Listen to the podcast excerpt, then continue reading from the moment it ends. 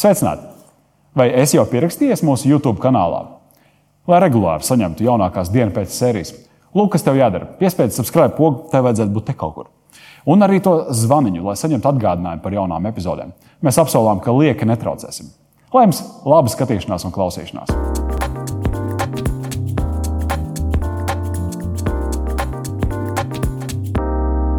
2007. gads jau nebija nemaz tik sen. Es diezgan skaidri atceros, kad par valsts prezidentu to gadu ievēlēja Valdis Zatleru. Es neesmu mainījis savus uzskatus, ka šī valdība ir savu resursu izsmēlusi. Un es, es. Kas es esmu? Patika tā transformācija no tā, nu, ko tad viņš tik stulbi pateica. Ja? Un, un pēc tam arī vairāk cilvēki šo jautājumu uzdod. Ja? Un pamazām tas pārvēršas par kaut ko pozitīvu. Ja? Es zinu, ka arī savā grāmatā es gribēju uh, nosaukumu. Kas es esmu, un man tie līdzautori saka, tu esi traks, ka tev atkal tur nāks viss gaismā, un tev noēdīs. Es saku, bet pasies, tas ir būtiskākais jautājums. Aicināju viņu uz sarunu, tāpēc, ka tieši viņš prezidenta amatā, manuprāt, piedzīvoja visstraujāko izaugsmu publiskajā runā un arī komunikācijā. Un kā viņš vēlāk arī šajā sarunā teiks, viņš to mācījās un turpina mācīties vēl šodien. Pirms sarunas ar Valdi Zatleru vēlos jūs iepazīstināt ar vienu no diena pēc autoriem - Aiju Hermani Sabuli. Viņa savā sērijās uzmanību pievērš ģimeņu un ikdienišķām finansēm. Ideālās pasaules skatījumā, protams, ka es priecātos, ka kāds, kurš nerūpējas par tām finansēm, pēkšņi netīšām dzirdētu kādu epizodu. Hei, šis padoms ir tik viegls, ka es viņu pat varētu realizēt un sākt vismaz minimāli rūpēties. Bet nu, skaidrs, ka tas, tas galvenais mērķis ir jebkuram, kurš grib kaut minimāli kaut ko darīt, iedot kaut vienu vismazāko instrumentu, kā viņš to var izdarīt labāk. Nu, tur ir sākot no pavisam, pavisam vienkāršiem instrumentiem. Nu, līdz pat teiksim, sarunas par kripto vai par vēl kaut ko tamlīdzīgu ir, ir, ir, ir savukārt tāds ļoti augsta līmeņa teiksim, ieguldīšana, ko ikdienā parasts cilvēks tā, nu, tā nebūs pirmā lieta, ko viņš sāks darīt attiecībā uz finanšu jautājumiem. Vai uzreiz ieguldīt akcijā? Jā, teiksim, pirkt, nu, tas pirkt. nebūs pirmais. Ko. Nu, ir, gan, ir gan cilvēki, kas neizdara neko no tā visa, un, un starp citu, tā arī noteikti viena no kategorijām. Viņš nav izdarījis tieši neko, viņam nav pilnīgi nevienu centu uzkrājumā, bet viņš ļoti nopietni spekulē un patiesībā būtiski riskē ar uh, viņa rīcībā esošiem līdzekļiem. Un tad man savukārt ir tāda bāža par to, ka, jā, ja viņam paveiksies super, un tad viņš skries stāstīs tālāk citiem, redz, cik es biju krūts un es cik ļoti noriskēju. Bet finālā tas risks, vai viņš attaisno vienmēr tos līdzekļus, vai nevar sanākt uh, uh, tāda situācija, ka tu ar all in ieejot, tev viss nobrūk, un tu sāc no nulles. Pēc sarunas ar Valdi Zatleru palīdziet kopā ar mums un uzziniet, kā un kāpēc ir svarīgi uzkrāt, pat tad, kad šķietami nav ko uzkrāt.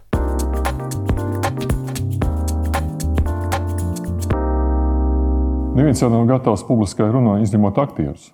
Jā, nu, tieši tā. Un, un tev ir kaut kāda cita runas pieredze. Un, piemēram, ārstam tā pieredze ir runāt ar konkrētu cilvēku ļoti dziļi, ja, ļoti emocionāli, ja, ļoti lielā uzticamības pakāpē.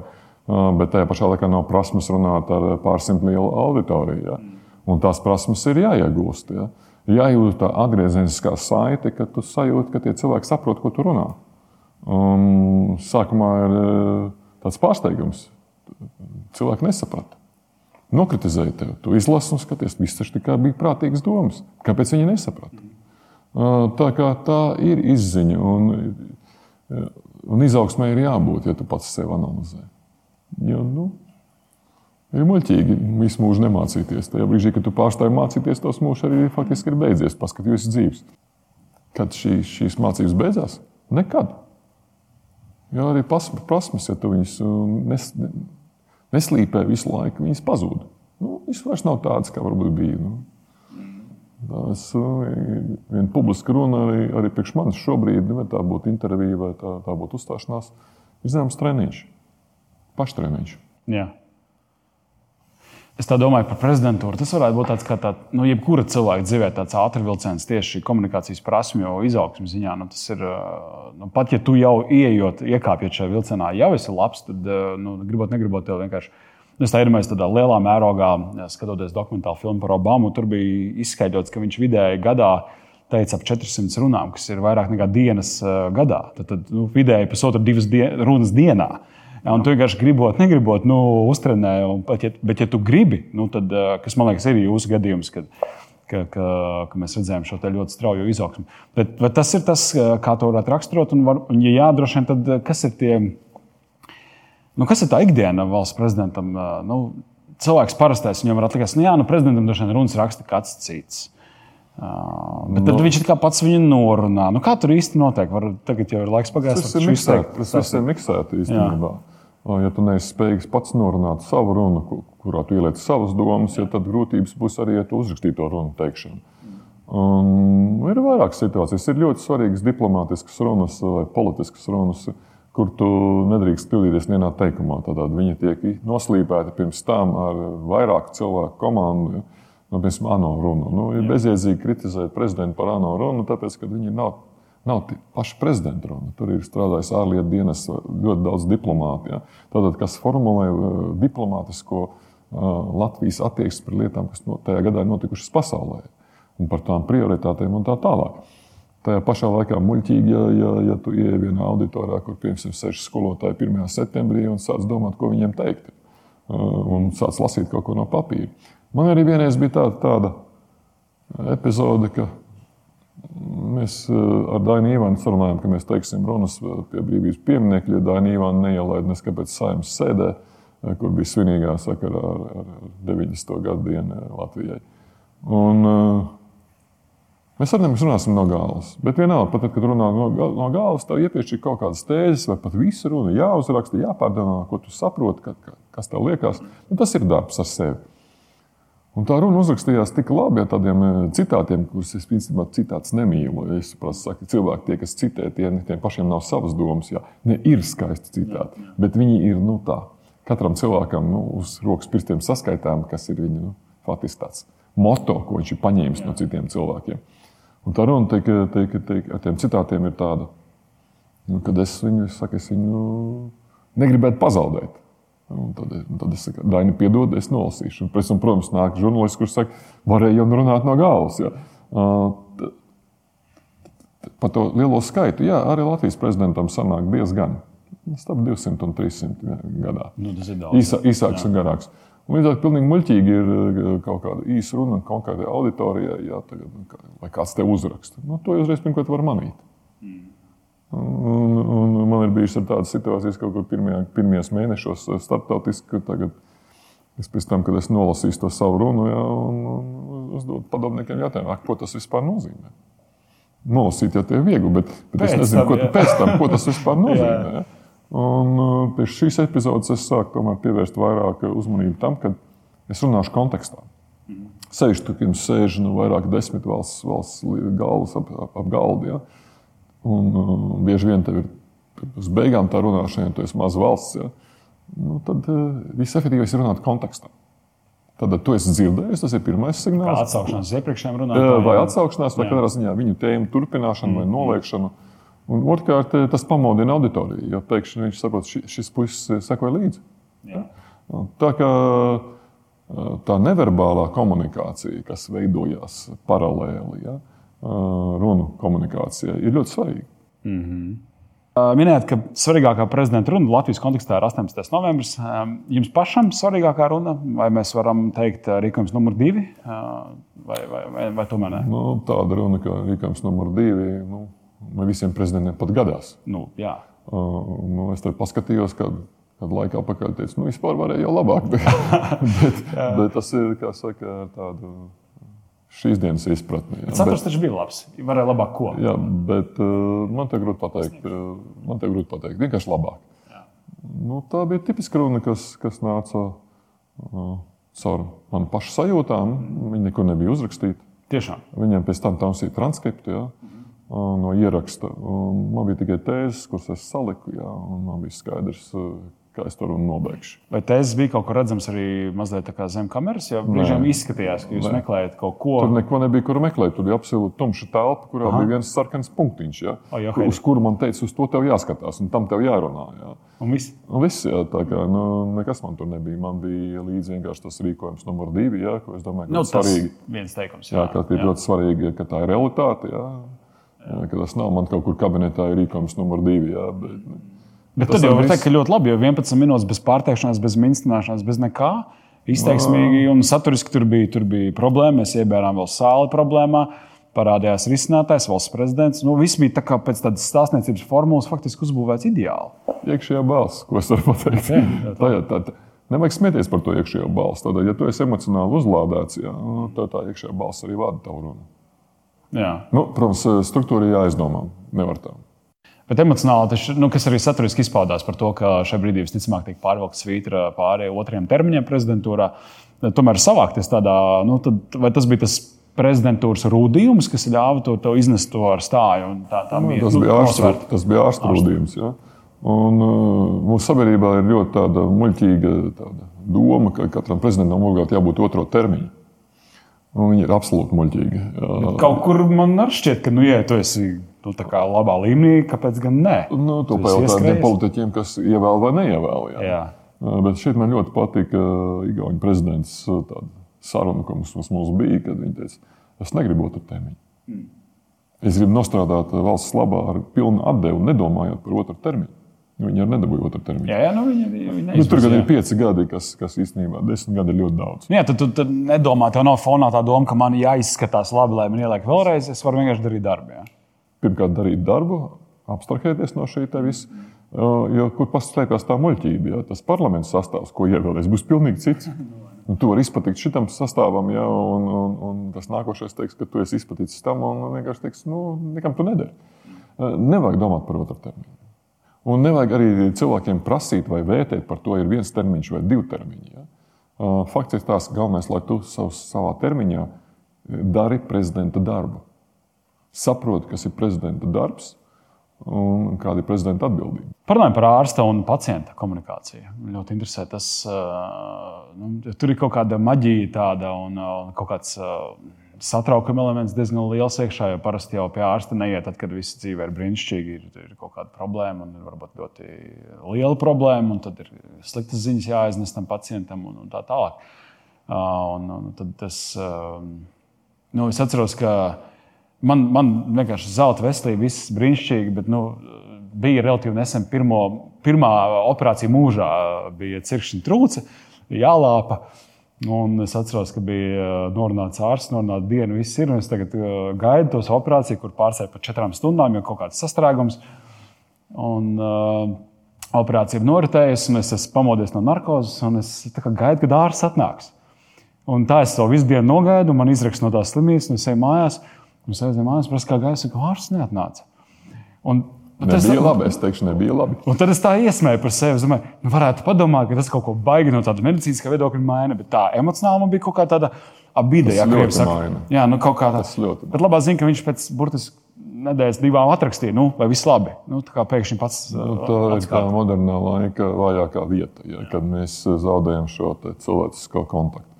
Jo faktiski attiecības starp pacientu un ārstu ir visusticamākās, visintīmākās ja, un visvairāk sargājamās. Un, uh, tas ārsta uzdevums uh, jau nav uztraukt slimnieku. Tas ārsta uzdevums ir iedvest pārliecību slimniekam, ja slimnieks ir daļa no ārstēšanas procesa.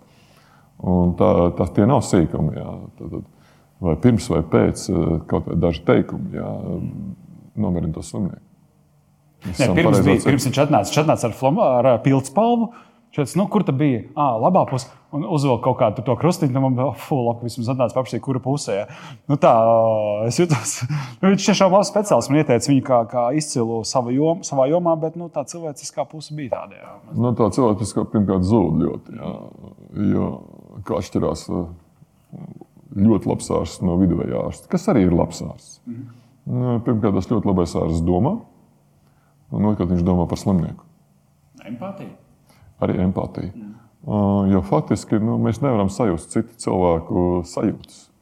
Mēs varam tikai iedomāties, kādas tās sajūtas ir tam slimniekam. Tāpēc ļoti ir vērts iztaujāt un tomēr daudz maz tā kā uzmodelēt pēc kādiem simts vai vairākiem simtiem gadiem, kādas ir tās sajūtas. Tas atkal pēc tam noder sarunā citiem cilvēkiem. Jo cilvēks ir priecīgs, ka viņa sajūtas kāds, kāds saprot. Man pašam ir bijis tā, ka es stāstu par, par savām sajūtām, un es redzu, ka ārstam aizbraucu, viņam acis sāk peldēt, viņš vispār jau neklausās. Un tad es domāju, nu, ko es viņam stāstu. Nu, viņš tāpat nesapratīs. Tas ir apmēram tā, kā nu, uz ko balstās anonīmie alkoholiķi. Ja? Tad cilvēki viens otru saprot. Tas narkotikas brīžiem saprot, brīžiem nesaprot. Bet, uh, tās sajūtas, kas ir vienādas slimības slimojošiem, viņi viens otram var viegli izstāstīt. Viņi saprot, jo viņiem pašiem tas ir bijis. Ārstam tas ir lēnā, garā jāiemācās. Mm. Un, ja ārsti nerunā, ja bieži vien saka, nu, ko, ko es tur runāšu, ko es tur viņu to visu slimības vēsturi un ģimenes vēsturi tur taujāšu. Nu, man nav laika. Ja. Un tas viss kļūst tehniski.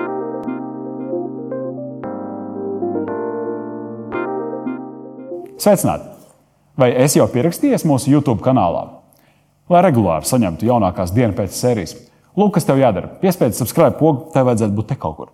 Un arī to zvaniņu, lai saņemtu atgādinājumu par jaunām epizodēm. Mēs apsolām, ka lieki netraucēsim. Lai jums laba skatīšanās un klausīšanās!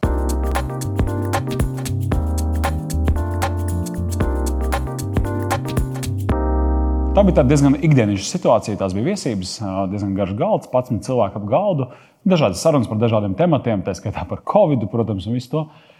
Un ir arī saruna, kur viena dāma komentē kādu savu paziņu, kurš ir uh, ugunsdzēsējs un kuram ir zemes algas, un par to, ka nu, viņi dara tādu darbu, viņi iet ugunī un vāc tos līķus ārā, un, un vispār viņiem vajadzētu maksāt vairāk. Un es sēžu tajā cilvēkā, klausos un skatos, viņus nevar nopietni to uztvert, jo es zinu, ka viņš melcis ar nodokļiem.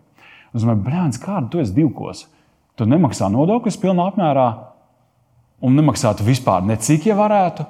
Un tāpat laikā tu saki, ka vajadzētu viņiem maksāt vairāk nodokļus. Es šo situāciju izstāstīju prezidentam Valdim Zatleram, un es uh, gribētu dzirdēt, ko viņš uh, ieteiktu. Ko šādā situācijā darīt, kā rīkoties? Pasaulē to saprot, ka dubultie standarti. Ja? Jā. Tu pret vieniem izturies tā, pret citiem izturies tā. Ja, ja, ja, ja, ja, nu, tu esi sev unikāls, jo tu esi vienīgais šajā pasaulē tāds. Ja? Tas ir piemēram, Latvijas politikā nu, piemēram, darīja nu, nu, Urbanovičs. Ja? Latviešiem runā viena, krieviem runā otra, ja? un baigi labi jūtās. Ja? Un nesaprot to, ka tie latvieši saprot krievu valodu un tie krievi saprot latviešu valodu. Ja? Mm, divkos, tas ir divkosība, faktiski nodara ļoti lielu ļaunumu. Cilvēki tev vairs netic. Ja, ja tu, un arī starp lielām valstīm ir ļoti liela divkosība. Ļoti liela divkosība. Un, uh, faktiski zin, gan tā augstprātība, gan tā divkosība ir raksturīga arī starptautiskai politikai. Un uh, viens no veidiem, kā to vispār apkarot, ir tieši tā, ir pateikt acīs, ka tu esi divkosīgs. Ar konkrētiem piemēriem. Ja, tad uz nākamā viesībām man vairs neaicinās pie tā cilvēka. Nu, nu, teiksim tā, ja tu trāpi desmitniekā un ļoti sāpīgi, ja, tad eh, aicinās. Jo nu, arī, arī tas pats cilvēks apzinās, ka viņš ir divkos. Nav jau tā. Ja, nu, viņš tā netīšām kļuva par divkos. Ja, viņš ļoti apzināti to dara. Bet, zini, kāpēc es neko neteicu? Es, es, es beigās saprotu, ka es nevaru atskatoties uz savu nodokļu maksāšanas un kaut kādas profesionālas darbības pagātni, pateikt, ka visur simtprocentīgi es visus izdarīju pareizi pret savu valsti. Neviens nav izdarījis. Man nav tiesība it kā morāli, nu tāda, ka tam cilvēkam kaut ko pārmest un teikt, nu, tā kā bakstīt viņa. Pēc tam mēs nonākam pie tā, ka kā motivēt cilvēku kaut ko darīt vai kā motivēt cilvēku kaut ko mainīt. Tas nav kaut ko noliegt un tagad Skaidri zinot, ka jebkaram, jebkuram no mums ja, ir kaut kādi grēki, lielāki, mazāki, ja, visā tajā dzīvē, ko mēs esam dzīvojuši. Ja. Un viņus tur nevar izdzēst, jo viņi tur jau ir bijuši. Ja, bet drīzāk runāt par to, ko mēs varētu darīt tagad, ja, lai vairāk tā nedarītu. Ja. Jo tā, jo tā atkal dod to apziņu, ja, ka mēs esam līdzīgi. Ja, tādā veidā runāt. Jo svarīga motivācija ir, kā tu to pasaki un kurā brīdī tu to pasaki. Tur jums pie galda būtu vienkārši strīds un kašķis un apvainošanās. Bet tas būtu kā alkoholiķim teikt, klāt un teikt, klausies, arī kādreiz smagi dzēru, es darīju nepareizi, tad es izlēmu to, tagad man ir labāk, un reku es redzu, ka tu esi tādā stadijā. Jā, bet tikai jāmāk to pateikt. Jā, jā, un pareizā brīdī es vēl teikšu, jo pateiks neīstā brīdī, tad var dabūt arī pa degunu. Jā. Bet, jo tu trāpīji viņam sāpīgā vietā, bet viņš tajā brīdī, nu, kā saka, vairāk apvainojos uz tevi nekā uz sevi. Ja? Tā kā nu, teikt, no, no patiesības faktiski nekāds sliktums nekad nav radies. Problēmas ir radušās no, no meliem. Mm. Nu jā, ja tā. tā ja tu gribi izkļūt no kaut kādas ļoti sarežģītas situācijas, tad pieņem vienu lēmumu. Ja? Runāt taisnību. Mm. Un tu ātrāk tiks tur ārā, nekā tu mēģināsi locīties. Ja tad tu ar vienu dziļāk, tas tā kā purvā. Ja, ja, ja vairāk kusties, jo ātrāk grimsti. Ja? Nu, paņemam šo bubuli, šo jēdzienu, augstprātību, kuru diez vai kāds grib uz sevi attiecināt, bet tāpat laikā mēs skatāmies kā sabiedrība miedarbojas ar pašas ieceltiem pārstāvjiem, tad diezgan bieži var šo narratīvu dzirdēt nu, par valsts vīru, valsts sievu augstprātību, distancēšanos. Kā jums šķiet, šobrīd Latvija, kur mēs esam tajā, kā sabiedrība strādā ar saviem priekšstāvjiem? Vai otrādi, kā viņi strādā ar sabiedrību? Es domāju, ka nestrādā neviena, ne otru. Jā, vienkārši eksistē blakus jā, un, un meklē otram kļūdas. Jā, un neiet, ne, principā neiet ne uz kādu sadarbību. Uh, grūti man pateikt, kāpēc tas tā ir, bet uh, tur, tur parādās šī uzkrāpība. Man bija ļoti laba pieredze ar, ar reformu partiju. Ja? Tie cilvēki pirms ievēlēšanas un pēc. Un tajā brīdī, kad nu, likām, mēs darīsim, darīsim kopā kopīgu darbu, mums ir konkrēti mērķi, mēs tos sasniegsim. Tajā brīdī, kad uh, cilvēks apsēžās saimnes deputāta krēslā, viņš saka, tauta man ievēlēja. Tad, tad es esmu gudrs. Un ar to viss sākās. Ja? Un, un, un, mēs beidzām teikt, sagājas deputātā. Ja? Par saviem pašiem kolēģiem. Ja? Jo šī varas sajūta un šīs varas deleģēšanas, ka tu esi saņēmis mandātu no tautas, tas nekas, ka tu pat nezini, kādā veidā tu to mandātu saņēmis, ja, bet ir tā apziņa. Ja, un, un tad aizripo ne tajā virzienā. Nu, nu, tā tas ir. Bet visi jau nav tādi. Visi Negribētu teikt, ka visi 100 vai visi 13 Nē. ministri ir tādi. Nu, Nē, nu, nav taču. Nav tādi. Visi nekad nemēdz būt tādi būt. Ja, bet, kā saka, To medus podiju saglabāja viena maza tekarotīties, pat teikt. Ja. Un, ja kāds tajā komandā ir tāds, tad, protams, to attiecina uz pilnīgi visiem. Jo pierādīt, ka es neesmu augstprātīgs, ir ļoti grūti, jo tas nav pamanāms. Ja cilvēks ir pazemīgs, ejūtīgs, ja, Nemaz tā tik viegli nevar pamanīt. Pamanīt tikai pēc tam. Arī enerģētiski, lai atspēkot jebkādu pārmetumu, tev vajag simts reizes vairāk jaudas un tā tālāk, un bieži vien tas ir bezjēdzīgi. Bet tas nav iespējams, un to Jā. cilvēku nesaprot. Jā. Atspēkot kaut ko nav iespējams. Ir labais teiciens, ka pateikts vārds ir miris vārds. Jā, viss, viņš ir savu darbu izdarījis. Ievibrējis, jā, emocijas, ievibrējis kaut kādas nu, teiksim, uzskatus, un, un ar to visu to neko nevar izmainīt. Un kādreiz, kādreiz eh, mans draugs, kad es strādāju slimnīcā, mācās tomēr arī sniegt intervijas. Viņš teica, viss, ko tu pateiksi žurnālistam, vairs nepieder tev. Tas pieder žurnālistam un nebrīnīties, ko viņš ar to visu darīs. Jā. Jā. Es ceru, ka šeit pateikties ir tikai pluszīme, un tādā ziņā nav, nav, nav šeit pretruna. Um, relatīvi nesen, vasaras beigas, rudenī sākums, jūs bijāt Latvijas radio krustpunktā lielajā intervijā. Un, uh, es tā ar interesi klausījos, un, un arī skatījos. Man patīk rāģiņi, tos raidījumus arī skatīties savā mazajā telefona ekrānā. Un, un, uh, tur izskanēja no jums tāda interesanta frāze. Es precīzi nenocitēšu, bet nu, tā doma bija tāda, ka sabiedrība nemāca spēlēt pēc tiem noteikumiem, ko pati ir izdomājusi. Nu, domājot par demokrātisku sistēmu, par to, ko mēs ievēlam. Nu, šeit, jo, kā mēs runājam jā, par to, tika par deputātu, sagāja deputātā, ja tur augstprātība un tā tālāk dažiem. Bet man gribētu to sabiedrības atbildību kaut kā mazliet izvilkt gaismā un apspriest, ko mēs visi un katrs kā indivīds, indivīds varētu darīt labāk, lai, lai tomēr tā sistēma, nu, lai tas mehānisms strādātu labāk. Nu, katrs indivīds var izvirzīt sev savus mērķus. Un, uh, sabiedrības problēma ir, ka cilvēki neizvirza sev savus mērķus. Un tiem mērķiem jābūt gan ģimenes līmenī, gan profesionālā līmenī, gan arī faktiski valsts līmenī. Ja? Jo tā valsts ir visu mūsu. Tā mūsu satversmē ir rakstīts tas mērķtiecības trūkums, jūs gribat teikt, ir tā, tā, tā, tāda kā viena no problēmām? Nu, arī tā. Jo nepietiek tikai izvirzīt to mērķi, jābūt ap, apņemšanai un gribai to, to realizēt. Ja, un nebaidīties no tā, un nebaidīties no tā, ka tu iesi cīnīties sabiedrībā, jo visas labās idejas jau radās mazākumā. Un tad tev jāpiespiež, nu, kā saka, vairākums, vismaz pusi jāpārliecina, ka tā ideja ir pareiza. Ļoti bieži labas idejas vienkārši nomirst, tāpēc ka tie cilvēki, kas viņas izvirzījuši, nespēj viņas izvirzīt uz galām. Bet es gribu pateikt par vienu citu lietu. Mm, arī minoritātēm, jebkura veida minoritātēm, jā, pat antivakseriem, jā, ir, ir, viņu līderiem ir jābūt šai atbildības sajūtai. Jo arī viņi atbild par sabiedrību. Un ne tikai tā, ka nu, tie tur ir pie varas, tie visi ir slikti, ja, un es tad esmu tas, kas viņu kritizē, man nav nekāda atbildība.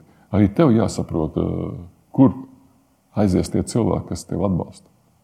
Un tas ir raksturīgi ļoti daudzās vietās pasaulē, kur etniskie mazākuma līderi jau vienkārši nu, nerēķinās ne ar ko, izņemot ar pašu sevi. Jo ļoti bieži mazākuma kopienās vai, mazākuma grupās. Ja, Viņi ir veidojušies tie, kas vienkārši bezskaunīgi izmanto šo cilvēku kaut kādu neapmierinātību vai šo cilvēku atšķirību ar kaut ko citu. Ja, viņiem īstenībā, izņemot tādu pašapmierināšanos, ja, nekāda cita mērķa nav. Nu, mēs viņus saucam par populistiem. Šķiet, jā, Populisms tā... pat nav tas īstais vārds, ja, bet es runāju tieši par to nu, antivakseru līderu atbildību. Mm.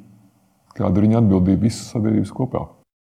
Nu, un sevišķi to attiecībā uz tiem cilvēkiem, kurus, nu, ar kuriem viņi vienojas vienā dziesmā, un es saprotu, burtiski arī dziesmā, ka viņi nu, dod to, to signālu, to apstiprinājumu, ka tas ir ok, varbūt nedarīt, un iespējams potenciāli kaitēt veselībai. Jo, jo nav, jau, nav jau tas nekas slikts, ka kāds kaut ko nedara, nepiekrīt vai domā savādāk. Tas nav nekas slikts, tas ir normāli. Tā ir mūsu brīvība, un tā ir jāpieņem. Ja, bet šo brīvību nevar pārvērst par, par farsu. Ja, tagad, nu, nu. Nē, tas tas vecais stāsts, ka tava brīvība beidzas tur, kur sākas uh, cita cilvēka brīvība. Jā. Šis, šis, es domāju, pandēmija tādā ziņā ir ļoti labs tāds. Uh, pandēmija vispār ir ļoti labs stāsts par cilvēkiem, kā, kā, kā, kā būtnēm, jā, un par sabiedrībām, jā, kā, kā viņas spēj sevi kontrolēt. Un mēs redzam, ka tās sabiedrības, kas, kas ir izglītotākas, kas ir daudz apeltītākas ar lielāku paškontroli, jā, tām beidzās labāk. Nu, Klau, sarunas noslēgumā man ir jāuzdod šis jautājums, šis slavenais, kas es esmu, bet šodienas, varbūt arī rītdienas valdes atlers, kas jūs esat, kas ir jūsu misija šobrīd un kas, kas tā būs tuvākajā nākotnē.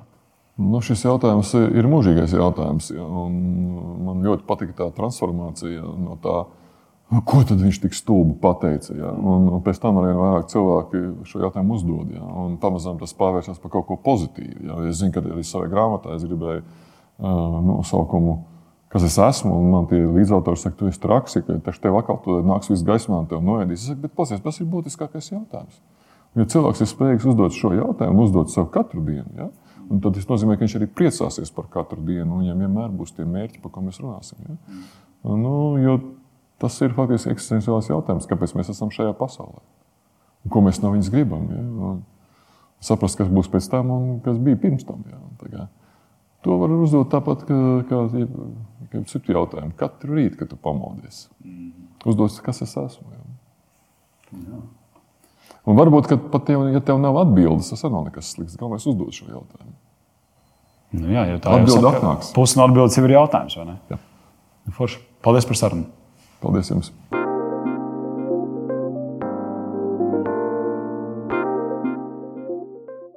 Valsts prezidents tā ir tāda, kā es arī sarunā ar viņu teicu, tas, tas iekāpa ātri vilcienā, un tev vienkārši ir nu, dienas kārtība, tev ir publiskās runas, tev ir uzstāšanās. Un man, kā komunikācijas joms uh, treneriem, bija ļoti, ļoti interesanti uzzināt viņa izaugsmas ceļu. Un, uh, protams, ka mēs runājam ne tikai par komunikāciju, bija interesants arī viņa viedoklis par to, mēs, cik tālu mēs esam nobrieduši kā sabiedrība. Un man ļoti aizķērās tas, ko viņš teica, ka individuālā līmenī mums katram būtu jābūt mērķtiecīgākam.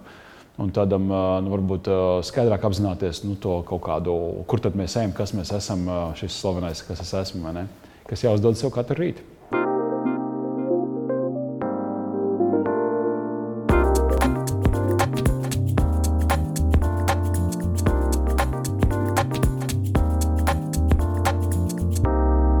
Ne visiem dzīvē ir paveicies. Cilvēkiem ar maziem ienākumiem ir grūti rast motivāciju iekrāt vēl nebaltākai dienai.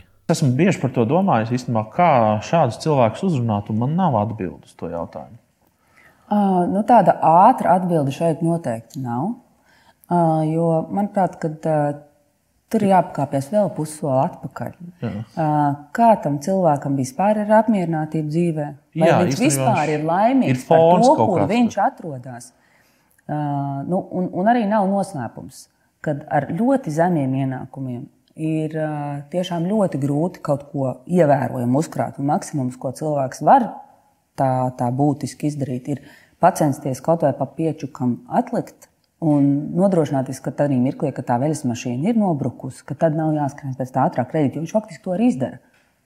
Nav jau noslēpums, ka viņš to izdara. Un viņš pēc tam pabaro to ātrā kredītu devēju ar to ļoti lielo procentu likmi un patiesībā sev nodara vēl daudz lielāku ļaunumu, nekā ja viņš katru dienu to piečuku vai katru mēnesi to piečuku būtu, būtu ielicis. Nākamajos raidījumos iepazīstināsim jūs arī ar citiem dienas pēc autoriem un viņu motivāciju iztaujāt Latvijas viedokļu līderus no dažādām jomām un nozarēm. Nākamajā dienā pēc sērijā runāsim par seksu. Pavisam nesen par šo tēmu sarunājos ar Latvijā pirmo seksu koču Ievu Sīmenu. Savukārt nākamajā raidījumā seksa veselības aspektus ar psiholoģi Kristīnu Balodu pārunās Diena pēc veselība autors Kaspars Mendelis. Paldies, ka noskatījāties vai noklausījāties šo epizodi. Tas autors esmu es, Oskars Priede, redaktors Kristaps Petersons, montāžas inženieris, tepat netālu man stāv Edgars Eglīts, operatori Artūrs Liepiņš un Mihails Safronovs. Raksti mums! Pastsēt dienu pēc.CLV, kā arī seko sociālajos tīklos.